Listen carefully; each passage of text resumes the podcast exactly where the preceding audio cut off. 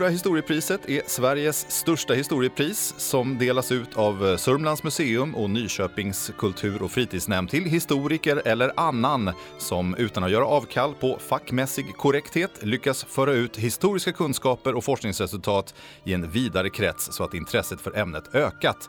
Normalt brukar pristagaren hedras med en ceremoni och ett samtal i Nyköping inför publik, men i år med coronapandemin så har priskommittén istället ordnat med ett poddsamtal med årets pristagare, professorn i idé och lärdomshistoria vid Lunds universitet, Gunnar Broberg. Stort grattis Gunnar! Åh, oh, ja, tack så mycket! Har du eh, själv läst din motivering? Den lyder så här. Gunnar Broberg har under ett halvsekel studerat idéer och lärdom från främst naturvetenskapernas kulturhistoria. Han har utforskat många av den svenska och europeiska idéhistoriens mer originella ämnen, såväl natten som katten.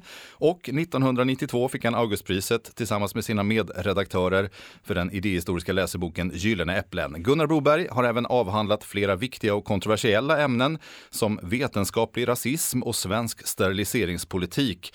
Och han var en av de första att skriva om Statens institut för rasbiologi i Uppsala och dess chef Herman Lundborg. Carl von Linné har varit en återkommande följeslagare i Gunnar Brobergs forskning från doktorsavhandlingen 1975 om Linnés naturuppfattning och människolära till 2019 års hyllade biografi över föregångaren. Genom att kombinera djupdykningar i de historiska primärkällorna med ett tillgängligt och engagerande språk lyckas Gunnar Broberg förmedla nydanande och ofta överraskande forskningsresultat till en bred historieintresserad allmänhet. Det här är fina ord Gunnar. Stämmer det där tycker du att du har dragits till idéhistoriens lite mer originella ämnen? Ja, jag är rädd för det. Det, det är en oemotståndlig lockelse att hitta något annat och något oprövat. Ja. Jag, vill, jag vill bara säga, till, säga också att det, jag sörjer verkligen över att det inte blev någonting i Nyköping, för jag är Nyköpings son. Jaha, du kommer därifrån? Ja. Jaha, ja men då var det väl sorgligt? Ja, jag hade verkligen sett fram emot en triumfatorisk marsch Storgatan upp. Ja, hela, hela staden står på fötter precis och hälsar sin son välkommen tillbaka. Ja. Precis, för numera bor du ju i Lund. Ja, ja. det duger det med. Ja, det gör väl det. Men eh, jag har varit eh, förstås i de här sammanhangen själv då och hållit intervjuer med pristagare under ett antal år. Eh, och det är så trevligt så. Jag, jag sörjer också lite grann att vi inte får sitta på den där trevliga scenen. Men ett poddsamtal får det bli och jag tänkte börja med ett lite så här i coronatider dystert ämne då. då. Eh, du har skrivit eh, en bok som inte nämndes i eh, prismotiveringen eh, tillsammans med andra idéhistoriker och historiker till att studera läkedom. Det här var tio studier studier i svensk medicinhistoria där du skriver om döden. Jag ska leta fram ett citat där. Det handlar ju mycket om medicin och eh, eh, medikamenter. Och så skriver du att dö förefaller idag vara en bortglömd konst. Däremot lär media dagligen ut konsten att döda. Budskapet är att andra dör, men inte jag. Vi dör inte längre av vår egen dödlighet, utan av diverse orsaker som kan åtgärdas. Blir jag sjuk kommer läkekonsten att klara sjukdomen.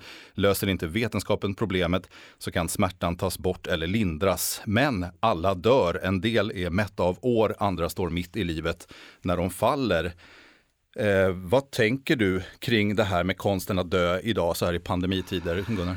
Ja, ja, det finns ju en litterär genre som heter Konsten att dö, som är bortglömd. Ars Moriendi, faktiskt den första boken som trycktes på svenska, 1517 tror jag det var, av en fransman, Jean Grosson, heter konst, en liten bok om konsten att dö.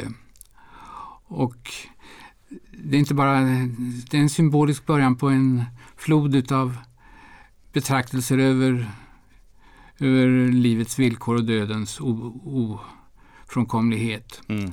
Och med den religiösa kontroll och betydelse som fanns så är ju den religiösa litteraturen och dödsbetraktelser väldigt dominant. Medan, som du hade i citatet, vi numera eh, mer eller mindre uppfattar oss som odödliga. Mm. Och sen var det väl en släng åt um, Hollywoodfilmens lärdomar om, om att hur man ska döda. Ja. Mm. Men hur duktiga är vi på att dö då då i världens, eh, som det påstås ofta, mest sekulariserade land eh, när vi inte längre har många av oss någon religion att hålla oss i så här i, i coronatider? Jag tror att vi behövde bli bättre. Ja. Nej, alltså religionen var naturligtvis full av helvetesskildringar men också av trösterika perspektiv på ett kommande bättre liv. Har vi inte det så är det kanske lite nervigt.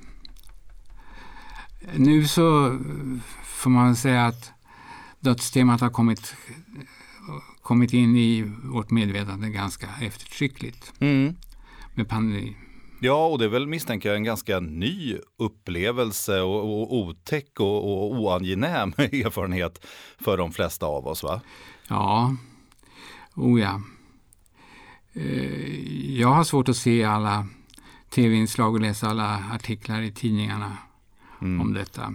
Men det kan ha det goda med sig alltså att vi får betänka vår egen dödlighet på nytt. Jag vet att vissa, och det har ju också uppmuntrats av Folkhälsomyndigheten, ger sig ut i skog och mark och att eh, vissa författare och forskare hävdar att det kanske är där i, i granskogens dunkel som vi svenskar snarare finner den här nästan andligheten och, och lugnet som vi kanske behöver också. Förutom att hålla oss långt ifrån eventuella smitthärdar då, då eh, så är skogen och, och vildmarken eh, alldeles speciell för oss svenskar. Är den det för dig också? Ja, vi har läst samma bok, Dag Turfjells Granskogsfolket. Mm. Intressant. Jo, jag vet inte hur långt det räcker förstås. Men eh, naturen och eh, det naturliga ljuset har en lugnande inverkan, absolut. Här nere i Skåne så saknar jag sko- skogen. Ja, ni har inte så mycket av den där. Skogen och svamparna. Men ehm, det är en tänkvärd bok den här Granskogsfolket. Ja, ja, men det tycker jag verkligen. Den kan man läsa om man ska läsa någon bok som du inte har skrivit. Eh, musik då måste jag fråga. Eh, vi inledde ju den här podden med musik som jag bad dig själv att välja och det första du kom på var Brahms violinkonsert. Eh, jag tänkte att du skulle vara intresserad av det här för när jag ringde dig eh, för att förprata lite grann, då hörde jag klassisk musik i bakgrunden. Jag fick liksom bilden av att du alltid har det på. Men det vet jag inte, det var kanske bara en romantisk bild som jag skapade själv. Hur är det hemma hos dig? Är det alltid någonting i bakgrunden? Ja, inte hemma hos mig, men på, på mitt gamla jobb så har jag ofta på. Och eh, P2 då som har ett gott urval. Mm. Men sen kan det bli för påträngande eller för känsloengagerande. Så då stänger jag av. Eller också sitter jag där och fascinerat lyssnar på Brahms violinkonsert. Eller något Vad är det så bra med den violinkonserten? det är svårt att, att förklara vad, vad som är bra med musik. Det bara är. Mm. Och eh, man kan säga att det är virtuost. Och man kan säga att det är intressant historiskt och eh, interpretationen är märklig och så vidare. Men det är, Brahms, Brahms är väldigt allvarlig. Men också inte falskt allvarlig. Utan grundmurad i vad han vill säga. Och vi håller oss kvar i allvaret tycker jag. Det senaste halvåret kan ju kallas för en mörkertid i Sverige och i världen och nu så kryper dessutom mörkret på så här i novembertiden när vi gör det här poddsamtalet. Du har ju skrivit om nattens historia och du skriver där att halva vår historia i människans historia ju knappt har skrivits på grund av att man ofta glömt bort just nattens historia. Varför intresserade du dig då för just nattens historia? Just därför Mm. att den inte har varit skriven. Och halva. Nu är ju tiden en lite nyckfull fenomen. Eh, dagtiden kanske det händer mera. Natten sover vi bort och det är som eh, en minut eh, somnar vi och tre timmar senare vaknar vi i vargtimmen och sen kliver vi upp efter sju timmar. Men det, det, är en, det är inte samma sorts tid som på dagen. Eh, jag, hel, halva vår historia, jag fick också en recension som jag vet att jag blev sårad över. halva, halva. För det var inte så mycket kvinnoaspekter ja, ja. menades det. Men det kunde jag mot, mot, motbevisa genom att säga att jag har verkligen sökt efter dem och mm. hittat också. Men eh, så är det med historia att de mesta dokumenten är ju tyvärr manliga. Precis, och söker man den som du har gjort då i nattens historia har man en dubbel utmaning. Både att hitta den här för de flesta väldigt okända och eh, knappast, inte säkert ofta då, nedskrivna historien om, om, om vad som har hänt i natten i mänskliga kulturer och också om man ska hitta kvinnornas del av den historien så får man leta minst dubbelt så hårt. Då, då. Ja. Men eh, vad det gäller nattens historia, du har ju fyllt en hel bok med det ämnet så uppenbarligen har det ju hänt väldigt mycket. Vi har inte bara sovit, eh, man kan skriva åtminstone väldigt mycket om vad man har tänkt och gjort och, och hur man har förhållit sig till natten. Ja, absolut. Jag, jag skriver att um, boken är, om den är 400-500 sidor eller något sånt, den är baserad på mina egna böcker, alltså mitt lilla hembibliotek. Och att om man vill hitta någonting om natten så är det bara liksom att vända upp och ner på böckerna så rinner natten ur. Mm.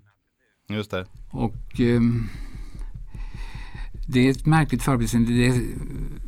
Historieskrivningen är ofta fokuserad på handlandet och på skriftliga dokument och så vidare. Men om man ser det från ett annat håll, alltså tänkandet, kännandet, poesin, diktandet, förnimmelserna, så finns det också där. Att leta fram. Och det verkar ju som att natten har stått inte minst för det, just eh, känslorna, sinnligheten, sexualiteten förstås inte minst. Mm. Ja, visst. Och eh, sånt eh, har jag också lockats att ta med i denna lilla bok. Mm. Vad får man för andra eventuella insikter då om människans väsen när man betraktar henne då i nattens mörker? Ja, alltså man kan ju oundvikligen undvika att jämföra med dagen och vårt förhållande idag, alltså vi är ju, skulle jag säga, väldigt val, valhänta inför natten som vi försöker behärska genom alla möjliga teknikaliteter, ljussättningar och belysningar och elektriciteten i alla dess former. Mm. Medan man väl kan säga att um, förhållandet var ganska rakt och enkelt. Visserligen så fylldes natten med olika spöken och lyktgubbar och eh, oknytt. Men eh, jag tror att vi skulle inte klara oss alls lika bra utan i, i mörkret mot vad som de då gjorde. Att vi har blivit sämre mörkervarelser då, alltså som människor, som moderna människor? Ja, sämre mörkervarelser och sämre på att uppleva det, det som natten har att erbjuda. Lugn, ett annat djurliv, växtdofter, granskogen igen. Ja. Och många av oss försöker väl kanske komma lite nära där. Alltså både du och jag var ju uppe, har vi konstaterat innan vårt samtal drog igång. Eh, natten till idag var det nämligen amerikanska presidentvalet så att då var många av oss uppe eh, och då var det för sig stort tempo på andra sidan Atlanten. Men jag måste säga det är ganska, det är ju härligt tycker jag. Jag är en sån här nattmänniska eh, och vara uppe på natten. Man får det här lugnet. vad, vad tycker du? Visst, natten är härlig. Natten är min. Pigan sa natten är min. Då får man alltså själv styra också på ett annat sätt. Ja, kravlöst på något annat sätt. Ja, och det, det var för en nödvändighet att natten kunde man inte göra så mycket mer än att vara med sig själv och kanske sin älskare. Idag så sträcker sig dagen in mot natten och kapar nattens timantal. Ja men visst är det så. Det där brukar väl ofta diskuteras kanske när man pratar om som det heter det gamla bondesamhället och oj vad de slet och upp i ottan och mjölka kossorna och så vidare. Eh, och aldrig var de lediga. Men de var ju väldigt ofta då styrda av ljuset och tillgången på ljus. Eh, och att året, dagen och året styrde så mycket av tillgången på ljus, framförallt på våra breddgrader. Medan vi idag, som du säger, inte bryr oss om knappt om det är dag eller natt. Vi kan jobba när som helst. Vi är uppkopplade dagen, dygnet runt och vi kan se på presidentvalsvaka och vi kan eh, läsa en god bok kanske i bästa fall också. Nej, hur leder tiden? Vi måste prata om Linné också då som ju har sysselsatt dig i stora delar av ditt liv, kanske hela, vad vet jag. Det var din doktorsavhandling, ämne för din doktorsavhandling och så eh, som priskommittén nämnde också så kom ju din senaste bok om Linné förra året, 2019. Eh, varför kom det bli just Carl von Linné som eh, ådrog sig ditt intresse? Då? Ja, jag skyller eller tackar min mamma. Jaha. Det är väl där, kanske ett vanligt svar när man får den där frågan. Mm -hmm. Varför blev det si och så? Mamma var väldigt duktig på växter. Eh, det är inte jag.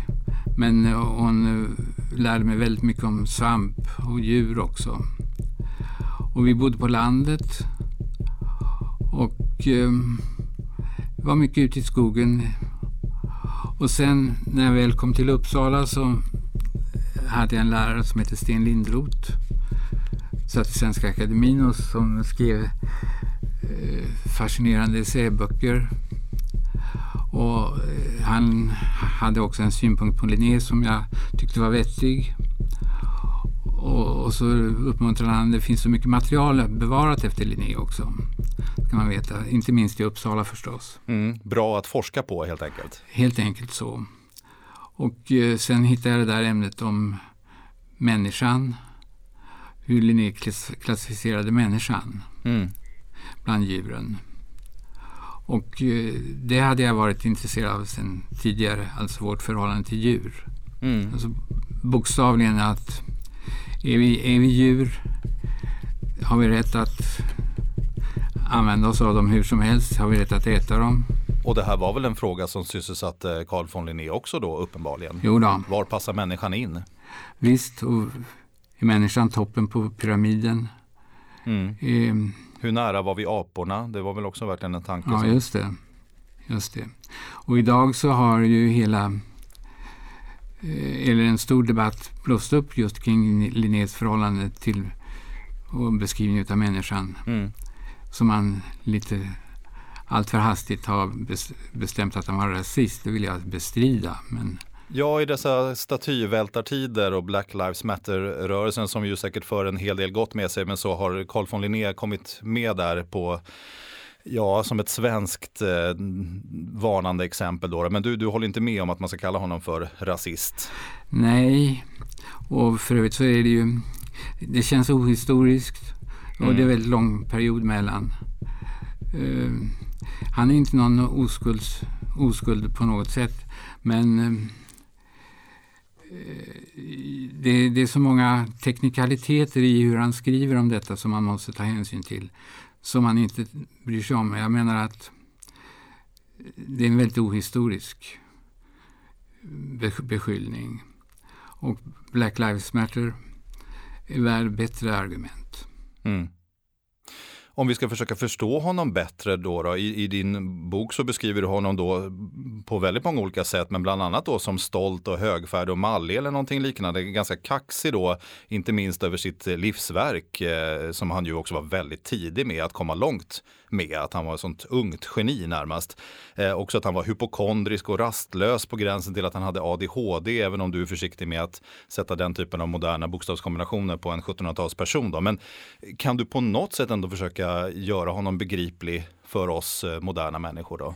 Det, det, det, du säger är en eh, god sammanfattning av vad jag tycker. Alltså att han, det, det är både kritik och charm och geni och övertro. Eh, hans ja, diagnos vill jag inte sätta men samtidigt Så hans, han var äldst i en syskonskara och hans yngre bror beskriver honom i ett brev som oändligt livlig, aldrig kunde sitta still och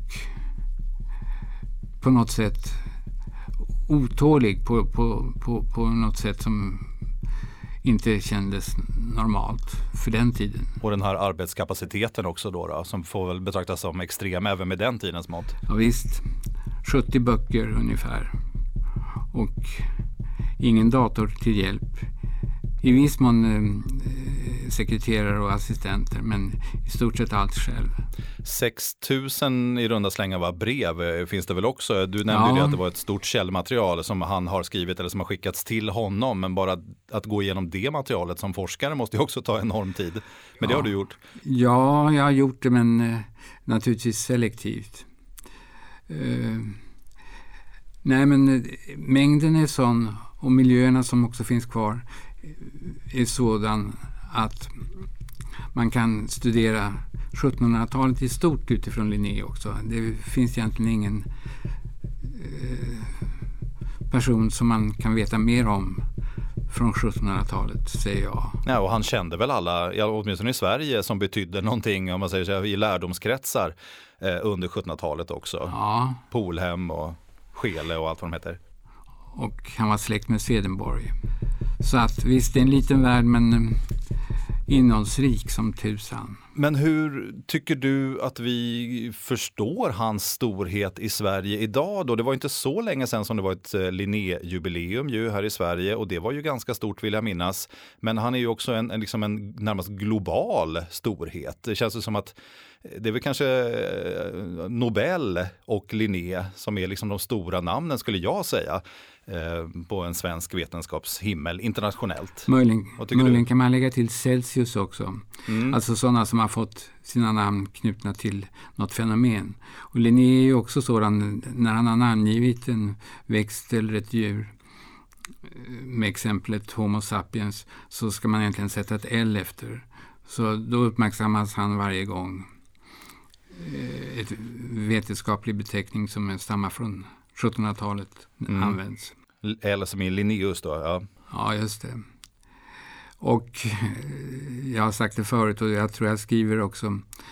Den här storheten kan man ju mäta genom citeringar numera. Och Wikipedia hade för, eh, för några år sedan en sån här eh, genomgång utav världshistorien de senaste 3500 år sedan eh, mest betydelsefulla personer. Och där vann Linné. Han vann före Jesus och före Hitler. Mm. Så att han är mycket internationell. Sen kan man säga vad man vill om sådana här citeringsrankingar. Men eh, han är känd över Möjligen är han inte känd som svensk riktigt. Nej, men det kan vara ett öde som drabbar många svenskar kanske. Är det Schweiz vi kommer ifrån eller vad, vad var det där för någon person egentligen? Ja. Det kanske min biografi gör ändra, ändra på när den väl översätts. Men du som eh, professor i idé och lärdomshistoria då, eh, hur kan du förklara att en 1700-tals vetenskapsman ändå står sig så pass väl? Jag tänker på inom ett område då som zoologi och biologi där han verkade inte minst. Eh, där det har hänt så enormt mycket, inte minst de senaste decennierna med DNA-teknik. Fortfarande så så spelar han roll? Ja, Varför då? det är klart att man tar fasta på andra saker och eh, Eh, Linné är ju inte fysiolog egentligen utan han är morfolog och beskrivande och klassificerande. Eh, men han startar ett jättestort projekt som man kan säga eh, som man kan knyta till biodiversiteten idag. Alltså överhuvudtaget den stora inventeringen utav allt liv på jorden började han i tron att han skulle slutföra det. Men det håller ju fortfarande på. Och de rötterna erkänner dagens biologer. Linné ska egentligen inte kallas biolog, det var jag själv som sa det nyss. Men eh, för att biologi är ett begrepp som kommer år 1800. Eh, han är naturalhistoriker och historiker har en betydelse av beskrivning. Han beskriver alltså naturen dess invånare. Om du hade träffat honom, det här är en sån fråga som många journalister ställer till olika forskare eller författare som intresserat sig för äldre tiders personer. Om du hade fått träffa Carl von Linné, vad hade ni pratat om då? Tänker du? Ja, jag skulle nog ha frågat honom lite grann om hur han såg på andra folkslag. Eller vad han trodde att jag kom med för konstig mekanisk ting. Som, som jag brukar använda. Och vad han trodde om oss idag.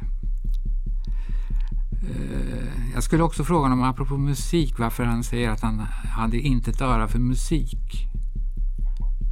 Det skriver han i ett par gånger i sina självbiografier. Och jag tror att han... Eh, han hade faktiskt en musikmaskin hemma på Hammarby. En väldigt tidig sådan. Men eh, det betyder ju inte att han älskade Brahms, det kunde han ju inte gärna göra. Men eh, jag tror att han uppfattar musik som någon, någonting som hade med lättja och flärd att göra. Så att annars är han väldigt sinnlig i sin uppfattning av smaker, lukter och synintryck. Så varför inte hörsel också? Precis, men det skulle vara liksom allt för eh, lättjefullt då, då för någon arbetsmyra som Linné kanske?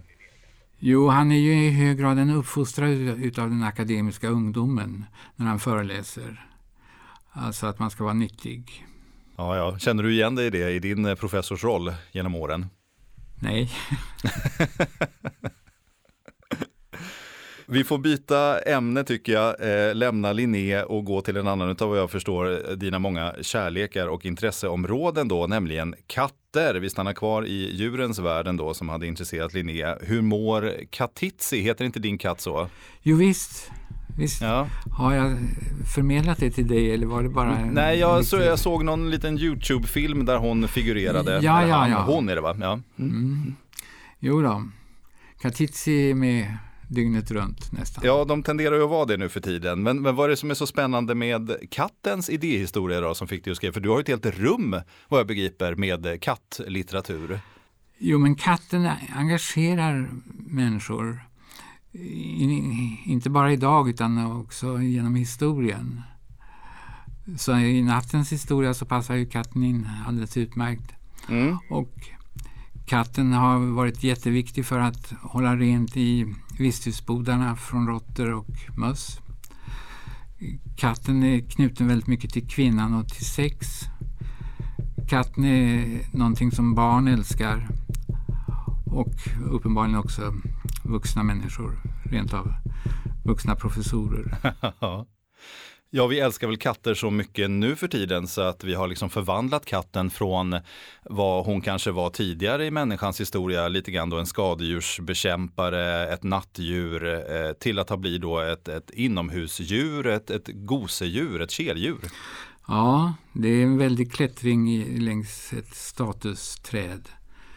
Och det, när jag skrev den där boken så sa jag att vi gör av med miljoner pengar på katten. Mm. Och det har inte minskat sedan den kom ut. Och någonstans så kan man göra jämförelse med hur mycket pengar som vi lägger på katt och för den delen hund naturligtvis.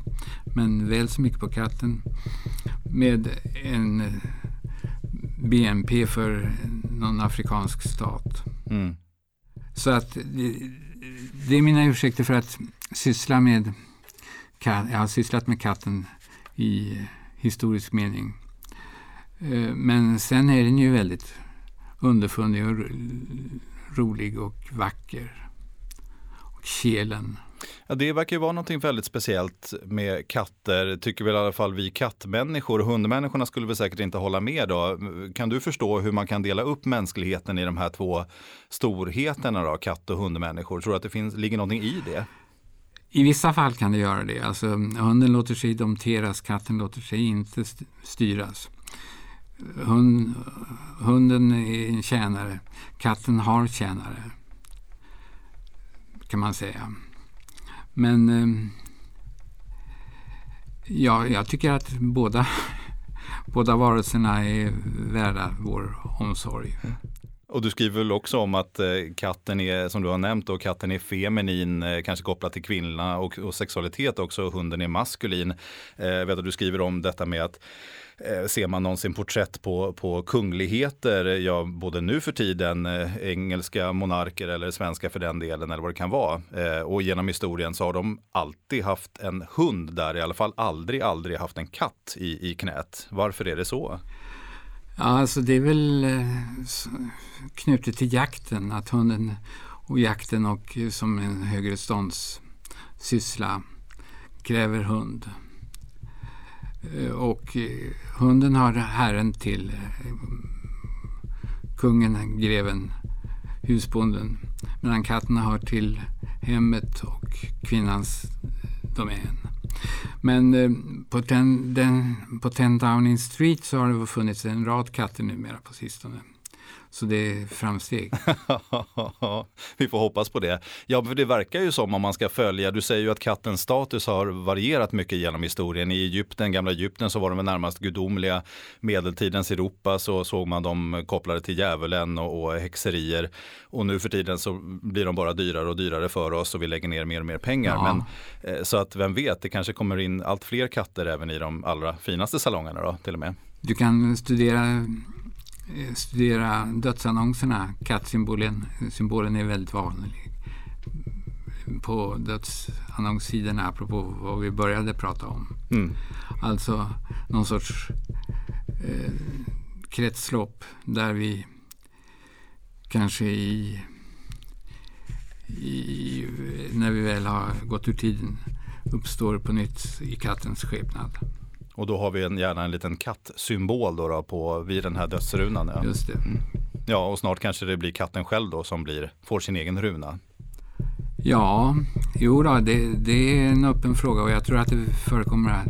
Det, så var det i, för arkeologerna att de har hittat eh, gravar för katt. Naturligtvis också för hund i högre utsträckning. Men...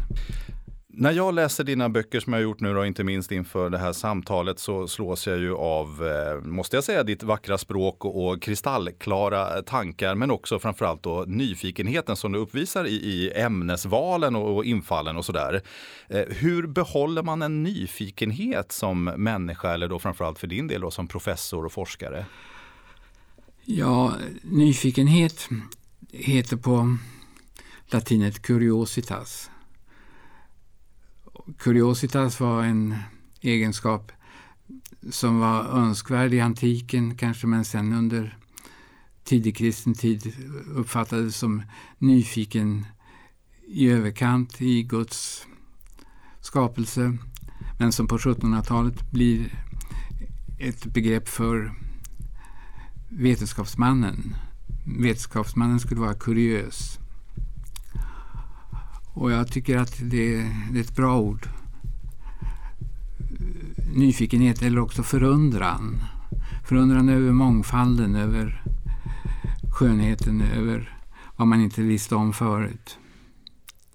Alltså det är ett sätt att hålla nyfikenheten vid liv, att betänka den här möjligheten som finns. Men sen kan man också som akademiker har lyckan av att ha, ha elever som skriver om ditt och datt. Och sen har man också tillgång till härliga bibliotek. Universitetsbiblioteken är fulla av både tryckt material, tidningar, affischer och så vidare, men också av manuskript. Så att jag tycker det är svårt att inte vara nyfiken. Nej, alltså jag, jag fascineras själv över, och det här som när du säger om kuriositas och sådär, jag tänker på de här kuriosa-kabinetten som blev så populära i eh, ja, 1600-1700-talets Europa som alla eh, ståndsmässiga personer skulle ha, som, där det ju fanns allt möjligt i de där.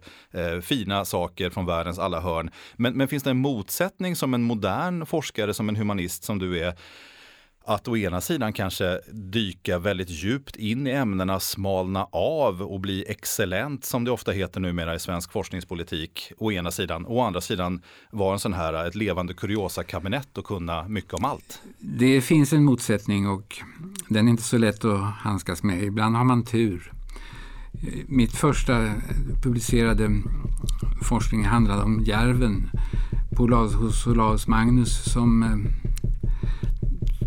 klämmer sig mellan två trän så att den bajsar samtidigt som den äter.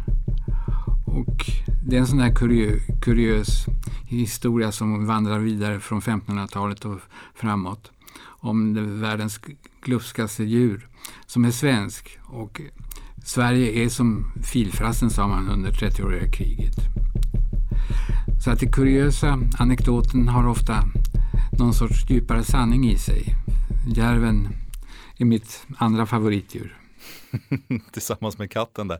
Precis, och att, att sådana kuriosa, eh, man säger så, zoologiska missförstånd kanske man får kalla Olaus Magnus för då, med det här, den frossande järven. Att det ändå finns, som du säger då, lärdomar och sanningar i det där. Ja visst, och därför ska man inte göra sig kvitt med, med det avvikande, kuriösa, anekdotiska. Men man ska försöka förstå det. Och kanske ha roligt av det också.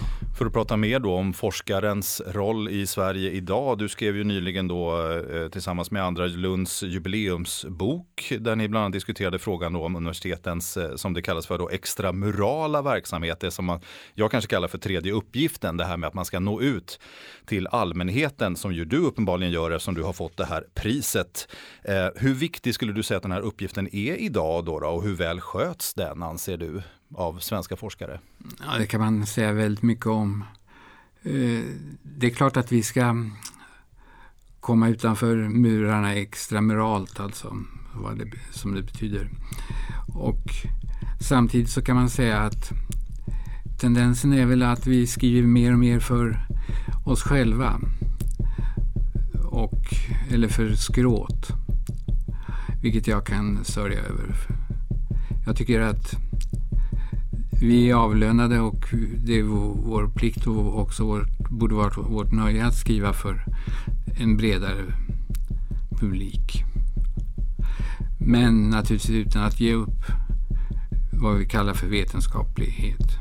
En eh, sak som brukar diskuteras i det sammanhanget är ju det faktum att man som akademiker i Sverige inte blir något meriterad av att sysselsätta sig med tredje uppgiften egentligen. Det är ingenting som ger en högre lön eller bättre jobb egentligen. Eh, det är kanske någonting man skulle kunna fundera på om man vill förändra då, låter det som i, i en framtid.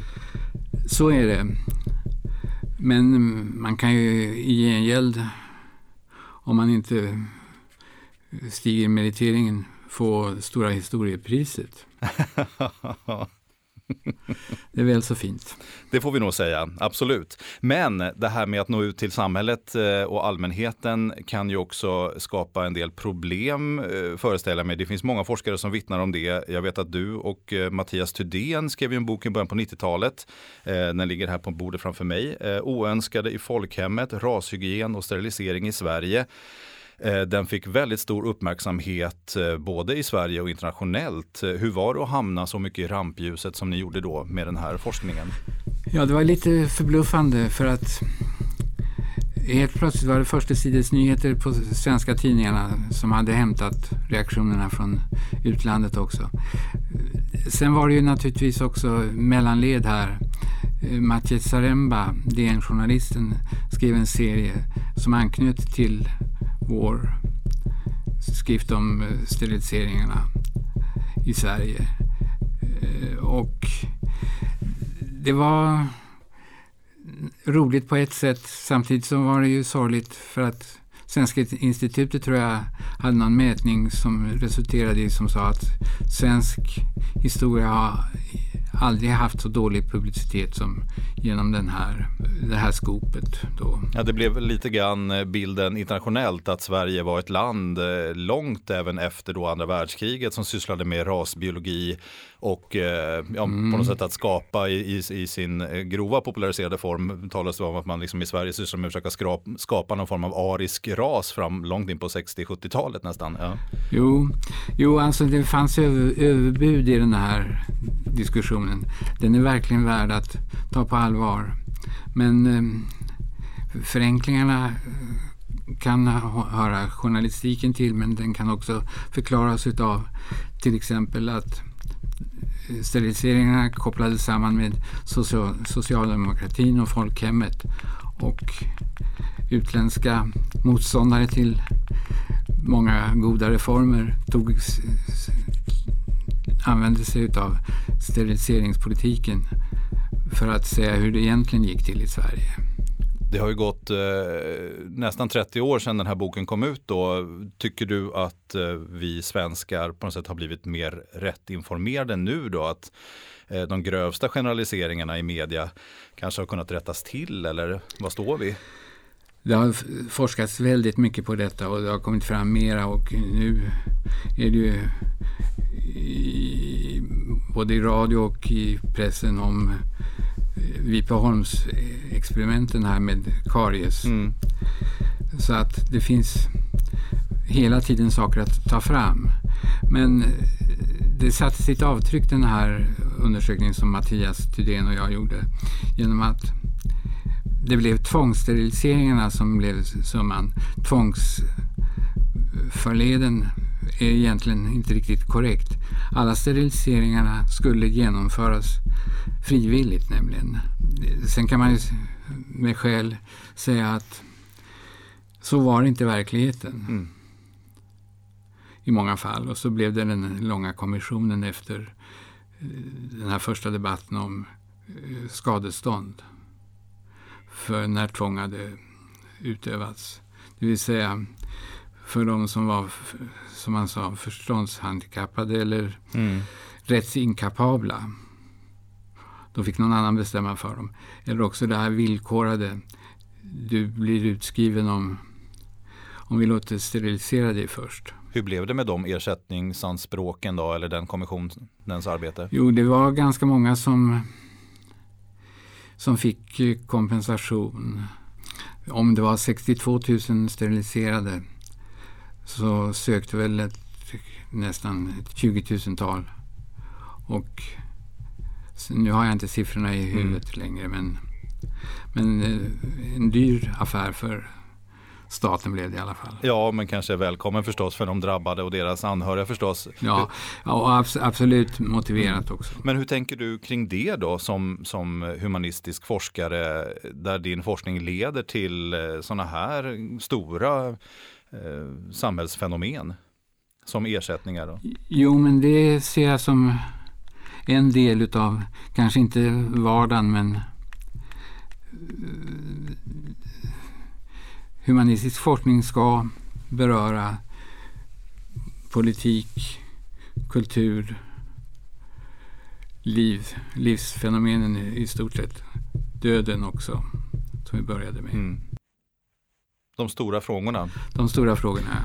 Det tycks ju vara ett fenomen, eh, uppfattar jag det som i alla fall, att just det här eh, att få eller kräva ersättning av en stat eller institution eh, är någonting som har blivit mer vanligt och att humanistisk, inte minst och historisk idéhistorisk forskning blir en bricka i det, om man får kalla det för spelet, i vår tid.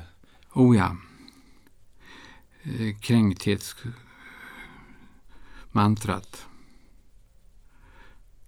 jag, jag, jag associerar till ordet kränkt. Och då ska man fråga sig vad är det för någonting i vårt samhälle idag som kommer att uppfattas som kränkningar om några decennier. Men eh, övergrepp har verkligen skett i historien. Och, men det sker fortfarande. Är du som eh, idéhistoriker bättre rustad att eh, svara på den frågan då? Om du har betraktat eh, sådana här frågor i historien, kan du se vad som möjligtvis skulle kunna betraktas som, eller komma att betraktas som kränkningar i vår egen tid för framtiden? Jag har inte närmare genomlyst det, men jag har väl mina tankar som jag får återkomma till. Det låter som att du delvis har svarat på min allra sista fråga då, då Gunnar. Eh, vad du kan ha för råd till eh, yngre historiker eller idéhistoriker då, hur de kan tänka kring sina extramurala verksamheter eller tredje uppgiften, detta att eh, nå ut till allmänheten som du ju nu eh, prisas för i Stora historiepriset. Hur, hur gör man kort och gott för att få det här priset? ja, Nej, men eh, ett sånt råd skulle väl vara att skriva på svenska, lära sig skriva på svenska. Ta sig an angelägna ämnen. Ämnen som rör människors liv och vardag. Och eh, min eh, refräng är väl att vi skriver lite grann för mycket för oss själva. Det vill säga enligt en formel hur uppsatsen ska vara och med förhoppning att det ska komma in i en internationell tidskrift och bli läst då av två, tre andra personer men istället också odla den svenska historien och det svenska språket och den breda publiken. Bra tips eh, tycker jag Gunnar. Det här får avsluta vårt eh, poddsamtal. Jag tycker vi lyssnar lite avslutningsvis på Brahms eh, violinkonsert igen. Och grattis ska jag säga igen då till Gunnar Broberg, 2020 års pristagare av Stora historiepriset. Grattis! Tack så mycket.